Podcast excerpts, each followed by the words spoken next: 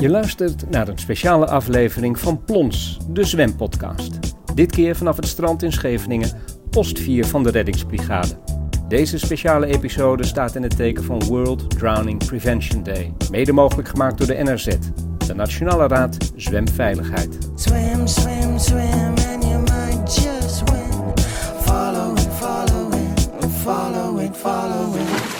Dit is eh, de allereerste World Drowning Prevention Day. We zitten hier bij Plons, de zwempodcast, op een hele bijzondere locatie. Reddingspost 4, Scheveningen, de reddingsbrigade. Ik ben Sylvia Bakker, de host van deze podcast. En ik heb als gasten vandaag Bernard Korte van instituut... Het ook Veiligheid zwemlocaties. Heel goed, ja, het is dankjewel. een ingewikkelde naam. NIVZ. Leuk dat je er bent. Ik heb ook Jarno Hilhorst van de Nationale Raad Zwemveiligheid aan tafel. Welkom Jarno. Dankjewel, dankjewel. En Willem de Vries van de Koninklijke Nederlandse Reddingsmaatschappij van de Waddeneilanden. Nou ja, daar gaan we het straks allemaal over hebben. Leuk dat je er bent. Dankjewel. Vlak voor deze podcast sprak ik nog even met eh, burgemeester Jan van Zanen. Wat kom ik doen? Ik kom iets in ontvangst nemen. Maar dat heb ik nog niet gehad. Dat is nog een verrassing voor mij. Hè? Sorry, sorry. Dan weet je vast wat ik ga doen. Hè? Ja, nee, prima. Hartstikke leuk. Jan van Zanen, burgemeester van Den Haag. Hartstikke leuk dat je hier bent. Ik mag je tegen je zeggen. We kennen Zeker. elkaar een beetje. Het is vandaag World Drowning Prevention Day. En eh, je gaat straks iets in ontvangst nemen. Ja, ik ga iets ontvangst. en Dat vind ik echt nou ja, heel erg goed. We zijn natuurlijk een kustgemeente. We hebben 11 kilometer kust. Heel veel water. En heel veel mensen genieten daarvan. Jong en oud. En dat willen we ook zo houden. Maar ja, helaas vergt dat ook wel enige alertheid van mensen. En moeten wij, eh, gemeenten, overheden, eigenlijk iedereen, de brigade, de maatschappij, de Nationale Raad... en iedereen die hier als vrijwilliger actief is, voorkomen dat er dingen misgaan. En daarom het voorkomen van mensen die verdrinken. Helaas komt het toch nog steeds voor. En we kunnen niet hard genoeg en vaak genoeg met z'n allen zeggen: let nou op, doe je best, maar wees voorbereid. En nu krijg ik zo meteen krijg ik een toolkit. Ik weet niet precies wat het is, maar dit is iets een, een soort van brochure, denk ik, of meerdere brochures, waarin wordt uitgelegd, nou ja, wat je allemaal kunt doen. En dat die is bestemd voor badgasten. En nou ja, maar ik laat me graag Je bent ook beschermheer van de Koninklijke Nederlandse Reddingsmaatschappij. Ik, eh, werkelijk, de erefuncties, die, het werkt, nee, maar geweldig. En het, ik vind het ook heel belangrijk. En ik vind ook dat mooi dat jullie, dat jullie zo'n dag die door de Verenigde Naties is uitgeroepen, dat jullie die ook gewoon heel lokaal bij ons om de hoek echt eh, laten zien. Want dat maakt mensen bewust. En dat zet jullie werk ook een beetje in het zonnetje. Want we nemen het allemaal maar, we take it all for granted. Nee, het, er moeten heel veel mensen heel erg hun best doen. Want het zal je kind maar zijn, of je grootmoeder of je buurvrouw. Precies, het strand is fantastisch. We moeten vooral blijven genieten van het geweldige strandleven. De geweldige faciliteiten die Den Haag biedt, Scheveningen biedt. Zeker. En eh, dat moeten we veilig en verantwoord doen. Heel het. leuk dat je even wilde aanschuiven voor Tuurlijk. onze zwempodcast. en, eh, En we blijven zwemmen, en we blijven Als we zwemmen, dat wil nou. ik net zeggen. Nee, maar ik blijf er echt eh Je van gaat, zwemmen eh, je gaat nu iets eh, in ontvangst nemen. Er Ja. staat een hele comité voor je klaar. Dus eh, veel plezier vandaag. Helemaal goed, dankjewel. Heel erg leuk dat de burgemeester er even was. En nu ga ik eh, even vragen aan eh Bernard. Wat is jouw achtergrond en waarom zit je hier? Ontzettend leuk om hier eh, te zijn met deze podcast. Op een goed moment, de World Drowning Prevention Day. Eh, ja, ik werk bij het NIVZ. Dat eh, was een, een beetje een eh, struikeling, maar dat is het Nederlands Instituut Veiligheid Zwemlocaties. Dat is een onafhankelijke stichting die onderzoek doet naar de risico's bij zwemlocaties. Maar van daaruit ben ik ook verbonden aan het project Het Strand Veilig van, van Reddingsbrigade Nederland. Dus in die zin is mijn lijn naar de reddingsbrigade ook nog vrij kort. En dat is ook wel de reden waarvoor ik aansluit bij deze podcast. Dankjewel. En Jarno, jij bent eh, van de Nationale Raad Zwemveiligheid en heel nauw betrokken bij het Nationaal eh, Plan Zwemveiligheid. In eh, samenwerking met de Rijksoverheid en het ministerie van Volksgezondheid, eh, Welzijn en sport. Welzijn en Sport. Dankjewel. ik weet niet wat ik heb vandaag. Vertel. Nou ja, ik ben eh, kennis eh, projectmanager bij de Nationale Raad van Veiligheid. Onze missie is dus zwemveiligheid van de Nederlandse bevolking op een zo hoog mogelijk niveau zien te krijgen. En mensen kennen ons met name van de uitgifte van de nationale zwemdiploma's. Ehm, maar goed, we hebben al eh, eerder de constatering gedaan dat als je het aantal verdrinkingen verder wilt terugdringen, dan moet je niet alleen richten op de zwemvaardigheid van kinderen. Maar eh, dan moet je ook eh, kijken naar, eh, nou ja, het zijn met name volwassenen die in open water verdrinken. Dus, dus vandaar ook dat we daar ook breder naar kijken en graag de samenwerking met andere organisaties daarin zoeken. Ik ben intern dus onder meer verantwoordelijk voor alles wat met onderzoek te maken heeft. En, en ook ehm, ja, ben ik projectmanager dus van het Nationaal Plan van Veiligheid. Dankjewel. Dan hebben we Willem ook aan tafel zitten van de KNRM. Ja, ik eh, werk intussen tien jaar voor de KNRM. Verantwoordelijk voor de organisatie van de strandbewaking op de Friese Waddeneilanden. en een samenwerking met de reddingsbrigade in Wassenaar. En daarnaast eh, ook betrokken bij de uitvoering van het Nationaal Plan Zwemveiligheid en het eh, plan Strandveilig. Dat was inderdaad de link. En als ik dan zo hoor de Friese Waddeneilanden, Wassenaar en dan zitten we hier in Scheveningen. Wat doe je hier? Nou, wat doe ik hier? Omdat we vanuit het Nationaal Plan eh, Zwemveilig en dus ook de Drowning Prevention Day eh, de samenwerking hebben met Reddingsbrigade Nederland als eh, de NAZ.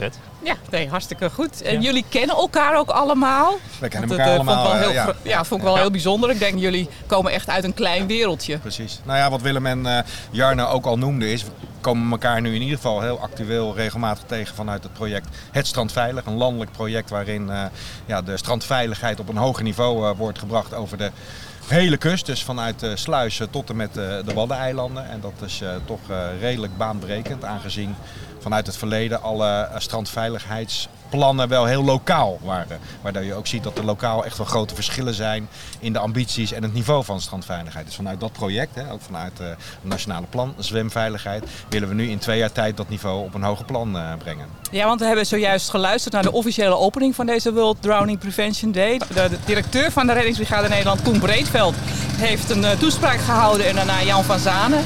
Eh, we horen nu even een, eh, ja, wat rijdt er nu net weg, eh, Willem?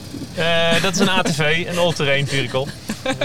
Heel goed, Die heel zo goed. te zien eh waterscooter eh, gaat ophalen. oppikken vanaf de Ja, waterlijn. het, eh, maar we hadden het over de toespraken die net zijn gehouden door de, de directeur van de reddingsbrigade en door Jan van Zanen. Dat er deze week naar buiten is gekomen dat nou ja, het aantal verdrinkingen in 2020 eh, behoorlijk is.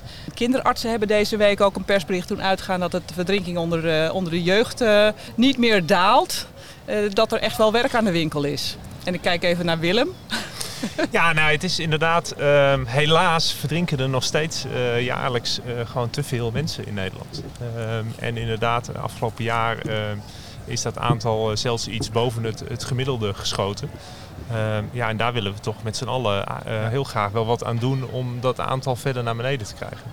Ja. want er is net een, een toolbox overhandigd aan de burgemeester van Den Haag, aan Jan van Zanen. Eh, Jarna, wat, eh, wat zit er in die eh, toolbox? Nou in elk geval is daar uitgewerkt ook wat de rol van de gemeente is en kan zijn bij, bij zwemveiligheid. Zoals Koen dat in zijn toespraak volgens mij goed eh verwoorden is dat op verschillende terreinen. Dat gaat en om het stukje van leren zwemmen, maar het gaat ook over hoe dat je hier de veiligheid langs het strand probeert te waarborgen. Nou, ja, dat soort aspecten zitten daarin uitgelegd.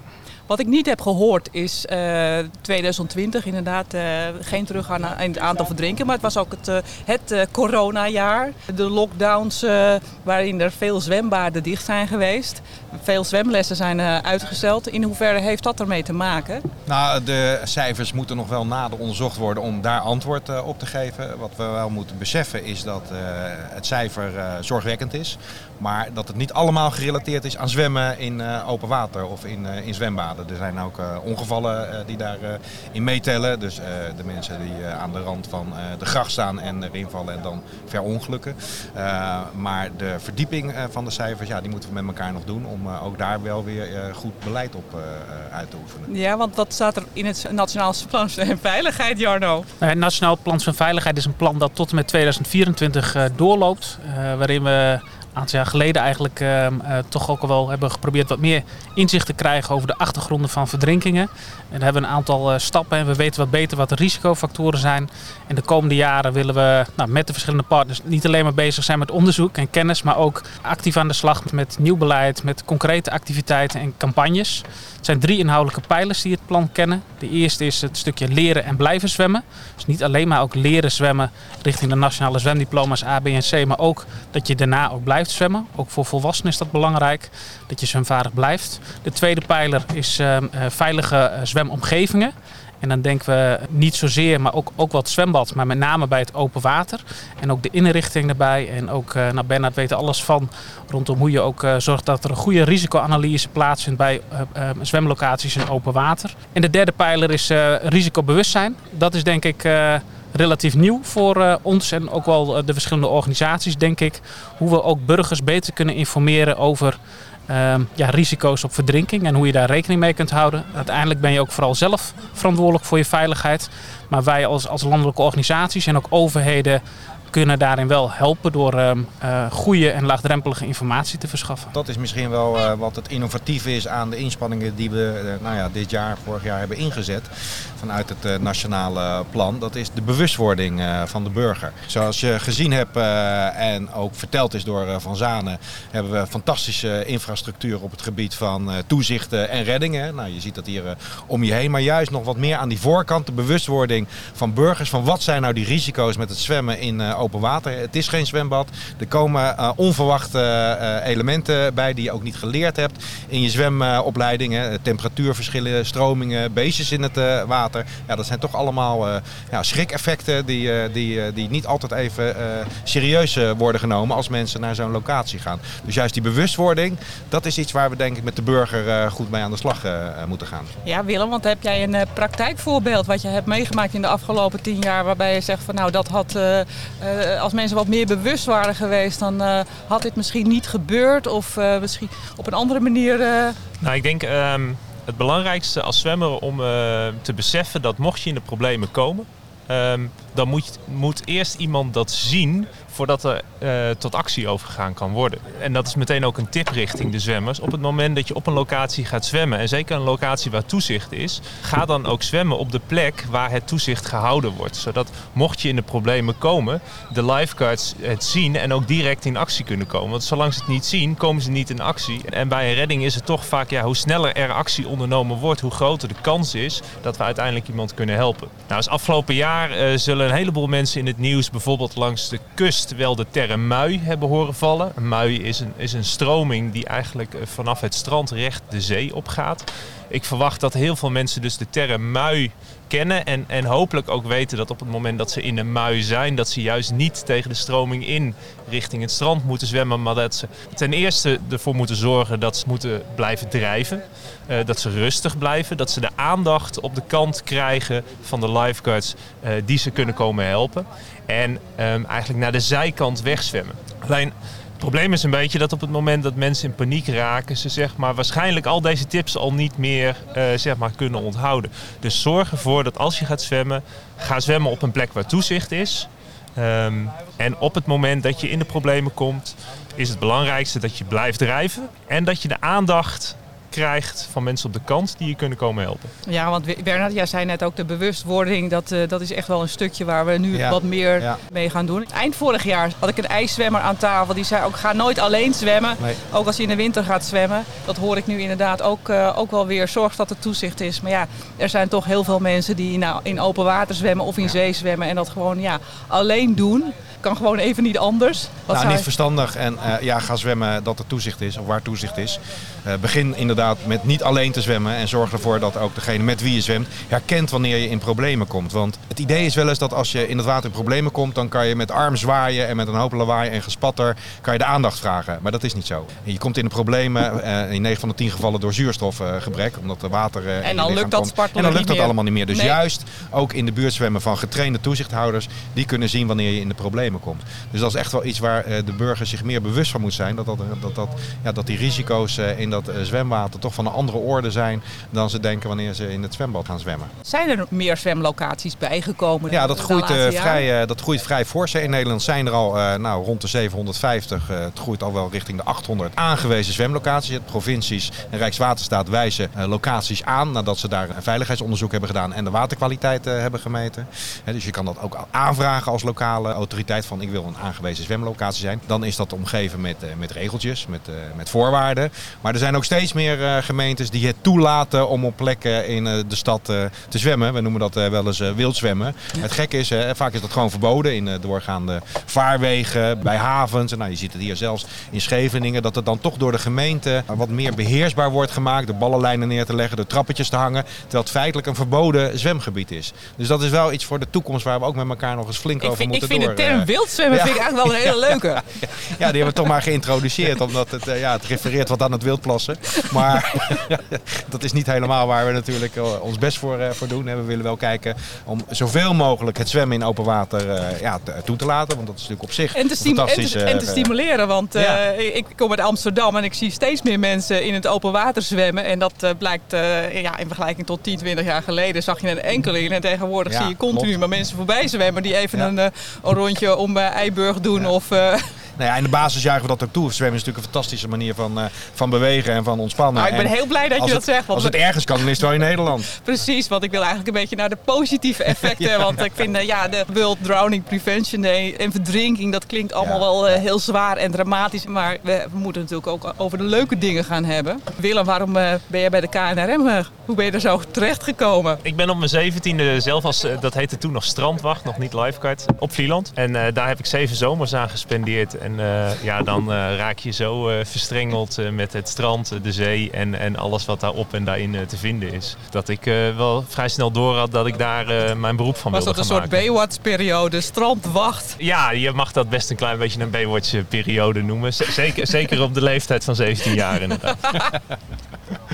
Ben je met allemaal jongeren ben je daar het strand aan het... eh, nou ja, dat, zijn allemaal deden, we vakantie. met, dat deden Ja. we met een groep eh, van inderdaad vijf, zes jongens. En dat, dat zijn ook mijn beste vrienden geworden. En dat hebben we eh, zes, zeven zomers volgehouden inderdaad. En Jarno, heb jij ook wel eens eh, dat soort eh, activiteiten gedaan op het strand? Het is wel leuk om hier op Scheveningen te zijn. Ik heb ooit eens twee zomers lang geholpen hier met de beachvolleybaltoernooien organiseren. Dus dat, dat moet ik zeggen, dat was ook wel weer een bijzondere cultuur zeg maar, van mensen eh, die hier ook eh, op en langs het water eh, recreëren. Dus dat zeker. Verder ben ik een Achterhoekse boerenzoon en eh, ging ik daar bijvoorbeeld in de, in de beek, een paar honderd meter van ons huis eh, zwemmen. Dus, dus dat is weer een hele andere context en achtergrond. Ja. Wat ik wel interessant vond aan wat je net zei, is dat zeg maar, ook op andere plekken in de wereld kijken ze vaak toch wat anders naar eh, het omgaan met water. Ze kijken ook als wat vreemd naar Nederland. Van waarom zetten jullie eh, geen hek om al dat water? Nou ja, dan zeggen wij hier toch wel, we leren onze kinderen vooral eh, op jonge leeftijd te zwemmen. Ouders doen dat ook bijna allemaal. Dus dat is ook wel uniek eigenlijk aan, aan Nederland. En ja, we hebben hier ook zoveel water en liggen onder zeeniveau. Dus we hebben hier ook leren werken, wonen, recreëren op en langs dat water. Daarin is Nederland soms ook misschien wel weer anders dan, dan andere landen. We zitten hier aan het strand en we hebben het over de veiligheid op het strand. Maar ook het, het zwemmen in open water neemt heel erg toe. Onder andere denk ik door de City Swim in Amsterdam eh, voor de stichting ALS. Willem, jij bent betrokken bij, eh, bij de City Swim. Ja, de KNRM is eigenlijk bij het eerste jaar van de Amsterdam City Swim benaderd of zij de bewaking op het water willen doen. En dat doen we intussen acht edities. Waar we met 35 lifeguards zeg maar, vanaf rescue boards toezicht houden op alle deelnemers. En Walter Weg van... eh, We gaan hem even noemen. Walter Weg is natuurlijk eerder in, in De deze voorzitter van de podcast geweest. Amsterdam, Amsterdamse reddingsbrigade. Ja. Ja, waar we daar dus ook mee samen hebben gewerkt om ervoor te zorgen dat die 2.000, 3.000 deelnemers eh, allemaal het hoofdje boven water houden. En dat is tot nu toe elk jaar nog eh, gelukt, gelukkig. Ja, gaat dit jaar dan niet door. Maar het, eh, ja, ik denk dat het mede heeft gezorgd voor de populariteit van het zwemmen in open water. Ja, nou ja, dat zie je echt fors groeien de afgelopen jaren. Het heeft deels te maken met de kwaliteit van het zwemwater. Hè, in open water eh, die eh, fors omhoog is gegaan. Waardoor je inderdaad in de Amsterdamse grachten gewoon kan zwemmen zonder dat je daar jeuk of bultjes van krijgt. Maar het heeft denk ik ook wel met de topsporten te maken. Hè. Op Olympisch niveau eh, scoort Nederland eh, echt eh, hoge gouden medailles eh, voor het open water zwemmen. Wat ook een officieel Olympische discipline is. En ja, dat heeft ook zijn uitstraling naar de sporters in dit land, de zwemmers. Om ook op dat niveau open water zwemmen te We beleven. hebben ze hier eerder in de podcast gehad. Inderdaad, Ja. de ijszwemmers en de trainer Ja, van. Maarten van der Weijden. Ja, de materialen worden ook beter. Dus je ziet ook dat je een langere periode kan zwemmen. Het is niet meer alleen geconcentreerd op de zomermaanden. Maar je ziet ook al in, in maart tot november zie je mensen in en ook op het water sporten. Dus ja, dat heeft allemaal eh, extra dynamiek. eh, ook ten aanzien van de zwemveiligheid. En zit dat ook in het Nationaal Plan Zwemveiligheid, eh, Jarno? Open Nou ja, water zwemmen? Niet heel specifiek, dus daarin ligt de nadruk ook nog steeds wel op eh, leren en blijven zwemmen, ook wel van kinderen. Ook daar zitten nog best wel een aantal uitdagingen om eh, bijvoorbeeld kinderen met een migratieachtergrond, kinderen met een beperking, kinderen die opgroeien in arme gezinnen, om te zorgen dat die ook hun zwemdiploma's halen en, eh, en dat we zorgen dat die eh, goed zijn voorbereid op het eh, recreëren en bewegen in dat water. En voor de rest gaat het ook over de randvoorwaarden, dus veilige omgevingen in open water, dat je dus ook bewust die officiële zwemlocaties opzoekt die op www.zwemwater.nl staan. Ja, dat zijn belangrijke dingen die zeker in het Nationaal Plan eh Zwemveiligheid terugkomen. En dan ga ik mijn eigen passie daar nog even aan toevoegen. Het open zijn van buitenbaden het hele jaar door. Eh, dat is ook een beetje een reden van het eh, ontstaan van deze zwempodcast. Door ja. eh, eh, de Miranda-bad in Amsterdam, wat het hele jaar open is. En het komende jaar ook eh, het hele jaar open gaat blijven. Dat heeft het college van eh, BMW Amsterdam besloten. Dus ik denk zelf persoonlijk dat het eh, openhouden van buitenbaden, of in ieder geval het langer open zijn van buitenbaden, toch een kloof kan dichten tussen het open water zwemmen en het binnenzwemmen.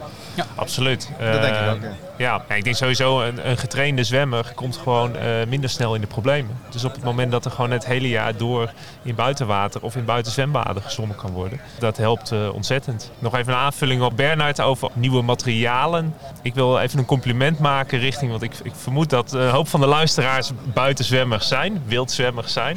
En wat je nu steeds meer eh, ziet is dat ze van die zwemboeitjes gebruiken. En, eh, en Safe dat is, swimmers. ja, en daar wil ik echt even een compliment voor maken. Want dat maakt het zwemmen gewoon echt een heel stuk veiliger. En een heel mooie uitstraling waarbij je ook laat zien dat je gewoon bewust omgaat met de veiligheid. Ja, je kan er zelfs je iPhone in doen. Kijk, Ja, niet onbelangrijk. eh, toch ook als je misschien nog even wat hulp wil inroepen. eh, ja. En nog Maar- één voorbeeld, Sylvia, is ook de, wat ik mooi vind in de verbinding van zwembad en open water. Het gaat ook over zwemlessen. Namelijk dat we ook dat nationale zwemdiploma C koppelen we aan vaardigheden die je in open water nodig hebt om ook jezelf te kunnen redden. En ehm, gisteren was er nog een mooi voorbeeld in Tiel. Daar heeft ook het eh, zwembad zeg maar, samen met de reddingsbrigade in de recreatieplas de zwemchallenge georganiseerd met kinderen en ouders. En die proberen ook eh, met name in dat zwemlestraject richting C ook zeg maar, het open water mee te nemen. En dat zie je op steeds meer plekken in het land ontstaan. En ik denk dat het heel goed en waardevol is om dat verder uit te bouwen en te kijken hoe je het geleerde in het zwembad ook verbindt aan dat wat je toepast in, eh, in de context van het open water. Nou, ik denk dat Jan van Zanen, de burgemeester, deze podcast echt moet gaan luisteren. Want eh, ik- ik kan er nog even aan toevoegen dat ik nog een hele lijst zwembaden doorgestuurd kreeg van een aantal mensen. Zwembaden die in de afgelopen 25 jaar zijn gesloten in Den Haag en in Ja. de omgeving van Den Haag. Buitenbaden die eh, zijn vervangen, zelfs eentje door een golfbaan en door een appartementencomplex. Ja, ja. Dus eh, het is toch wel belangrijk dat die buitenbaden blijven bestaan. Nou, dat is een mooi signaal, want je ziet toch dat de behoefte groot is om in het buitenwater te zwemmen in, eh, in Nederland. We hadden het net even over de strandwacht, wat tegenwoordig een lifeguard heet. En er is nog een lifeguard die eh, hier even wil aanschuiven. Welkom eh, Gianni. Ja, dankjewel. Jij bent een van de, nou ik geloof dagelijks 14 lifeguards die hier dagelijks in de zomer aanwezig is eh, om het strand veilig te houden. Ja, klopt. Het verschilt een beetje met het weer, met hoeveel we zijn. Maar vandaag zijn we met, met vrij veel op een eh, toch nog warme zondag. Dus eh, inderdaad. Jij zit al een aantal jaren bij de reddingsbrigade. Ik denk ondertussen een, een jaar of vijf. Dus eh, voor reddingsbrigade termen is dat niet heel lang. Maar het is ook niet eh, dat ik er net bij zit. Je bent nog vrij jong, denk ik. Vrij nog 21 nu. 21. Ik hoor dan heel vaak van eh, het zit in de familie. Nou, bij mij viel het mee. Ik was de, de eerste van de familie die hier zit. Maar ondertussen zit mijn zusje er ook al. Dus eh, uiteindelijk, Ook al. dat, dat loopt toch uit eh, uiteindelijk. hoe, hoe oud is je zusje? Ja, die is nu eh, 19. Oké, en zijn er deze week nog dingen gebeurd? Ben, ben, je, ben je dagelijks op de post of ben je een paar keer in de week, vaak op zondag? Of, of zijn er andere momenten waarbij je zegt van hé, hey, dit is wel mijn team? Nou, ik ben een van de mensen die wel vaker op de post is. In de zomer bijna, bijna dagelijks. Een paar keer per week, want ik zeg, ik blijf even thuis, even uitrusten. En deze week was eh, rustig. Het was eh, mooi weer, dus er is niet heel veel gebeurd. Ik ben juist op zoek naar die spannende De verhalen. spannende verhalen, nou, dan had je er vorig jaar moeten zijn. Dat was eh, een en al spannend verhaal. Nou, dan willen we het natuurlijk niet eigenlijk over het tragische ongeval hebben van de vijf surfers die zijn verdronken hier op eh, 11 mei, als ik het goed zeg. Was jij toen ook al bij de reddingsbrigade? Ik was wel bij de reddingsbrigade, alleen we waren als reddingsbrigade nog niet op het, op het strand aanwezig. Er waren wel lifeguards van het VH, die zijn toen, waren al naar huis. Het was ook vrij laat, het voorval. Dus het was buiten onze normale bewakingstijden. Maar dat zal wel voor een enorme saamhorigheid en eh, verbinding hebben gezorgd. Maar ik zou het liever even willen hebben over andere spectaculaire dingen die zijn gebeurd. Jij rijdt ook eh, op de waterscooter, heb ik gehoord. Klopt, ja, inderdaad. Nee, ik heb dit jaar wel een, een mooie redding gehad. eh, bij de haven was dat. Toen stonden er twee mannen vast op, op de blokken van, de, van het noordelijke havenhoofd. En toen ben ik daar met de waterscooter heen gegaan. Ja, het voordeel van de waterscooter is dat hij wat dichter bij de blokken kon komen. En uiteindelijk was dat gelukkig, want een van de mannen die werd verloren bewustzijn. Dus die eh, was bewusteloos. En ik heb de persoon die bij mij achterop zat, heb ik op de blokken laten stappen. En die is daar, eh, heeft hij hem af kunnen trekken. En op de scooter hebben we hem mee kunnen nemen naar de kant. Het was toch wel eh, spectaculair om, om dat zo te kunnen doen. En hij was nog steeds bewusteloos. Hij was bewusteloos toen we hem op het strand brachten. Hij kwam telkens een klein beetje bij en dan viel hij weer weg. En op het strand toen werd er gesproken van een reanimatie. Maar toen ben ik weer de volgende gaan halen die nog op de blokken stond. Dus dat heb ik niet helemaal meegekregen. En hij is gelukkig gereanimeerd. Ik geloof dat hij uiteindelijk niet is gereanimeerd, maar dat het wel goed is gekomen met hem. Oké. Nou, het, ging niet, het ging niet heel goed met hem toen we eraf haalden. Dus dat Nou, nou. gelukkig op tijd. Fijn dat jullie er zijn. Ik denk dat Willem eh, uit het verleden ook nog wel eh, op Vlieland eh, dingen heeft meegemaakt wat hij zich wel kan herinneren. Nou, wat ik misschien nog even aan wil toevoegen, want inderdaad, je, je vraagt eigenlijk naar reddingen. Alleen eigenlijk proberen we met ons werk juist reddingen te voorkomen. Precies. Eh, Ja. We proberen eigenlijk juist er natuurlijk bij te zijn voordat het misgaat. En nog steeds, ja, er moet af en toe een redding plaatsvinden, maar we proberen dat zo, zo min mogelijk te doen en er juist eerder te zijn. Nou, daar kwam ik ook achter bij de bestudering van, eh, van jullie achtergrond en inderdaad van jullie organisaties, is dat voorlichting wel een hele belangrijke taak is. Ja, nee, het is eigenlijk wil je.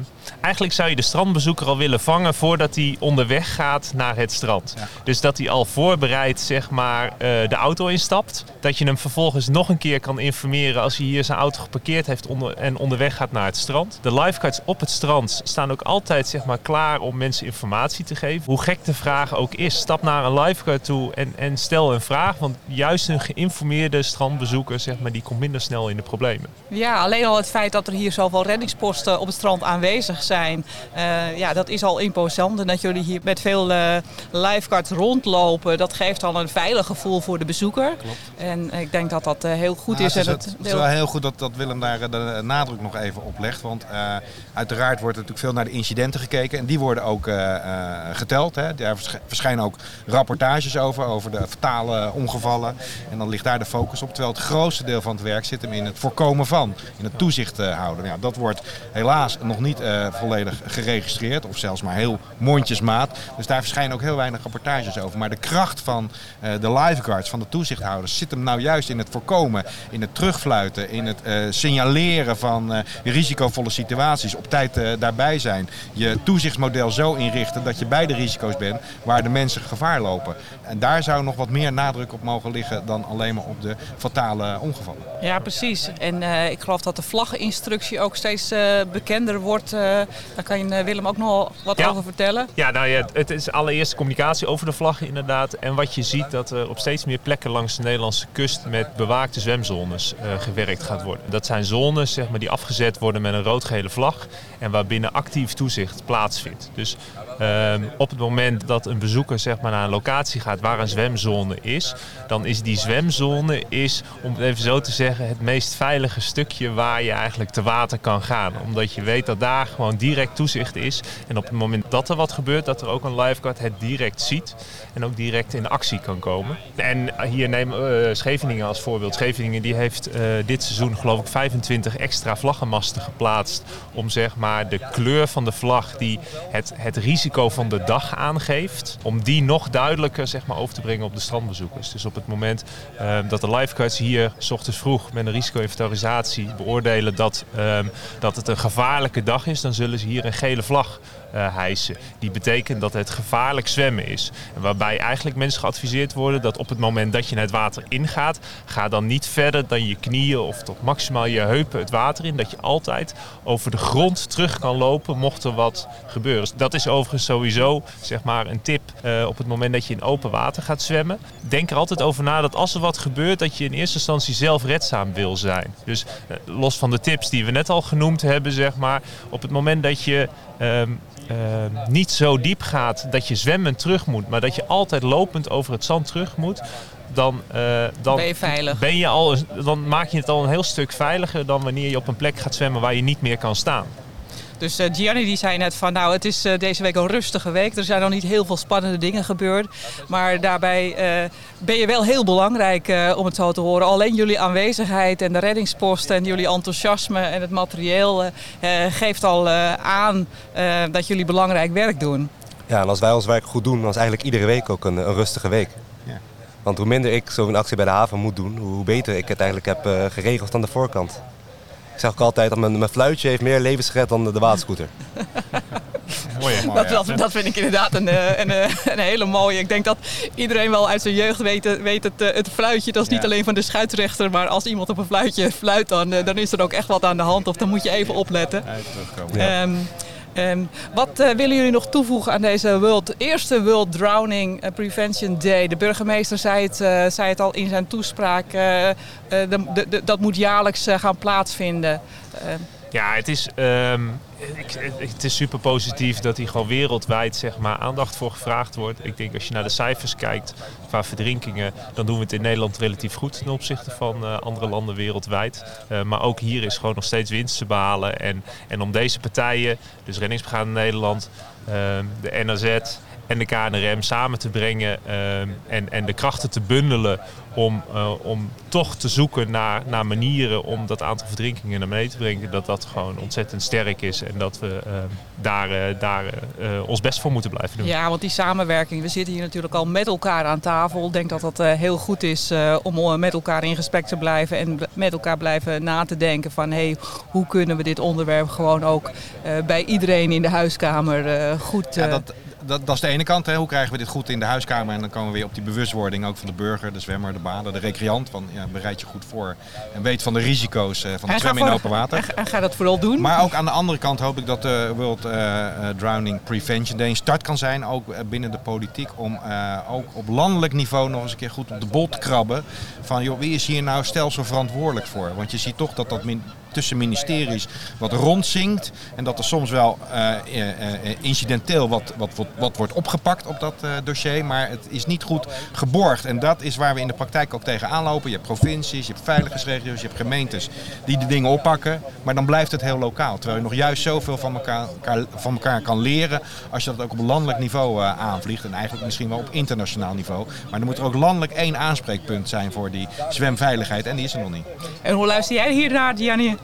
Ja, ik zie natuurlijk op het strand eh, vaak toch het kleinere verhaal daarachter.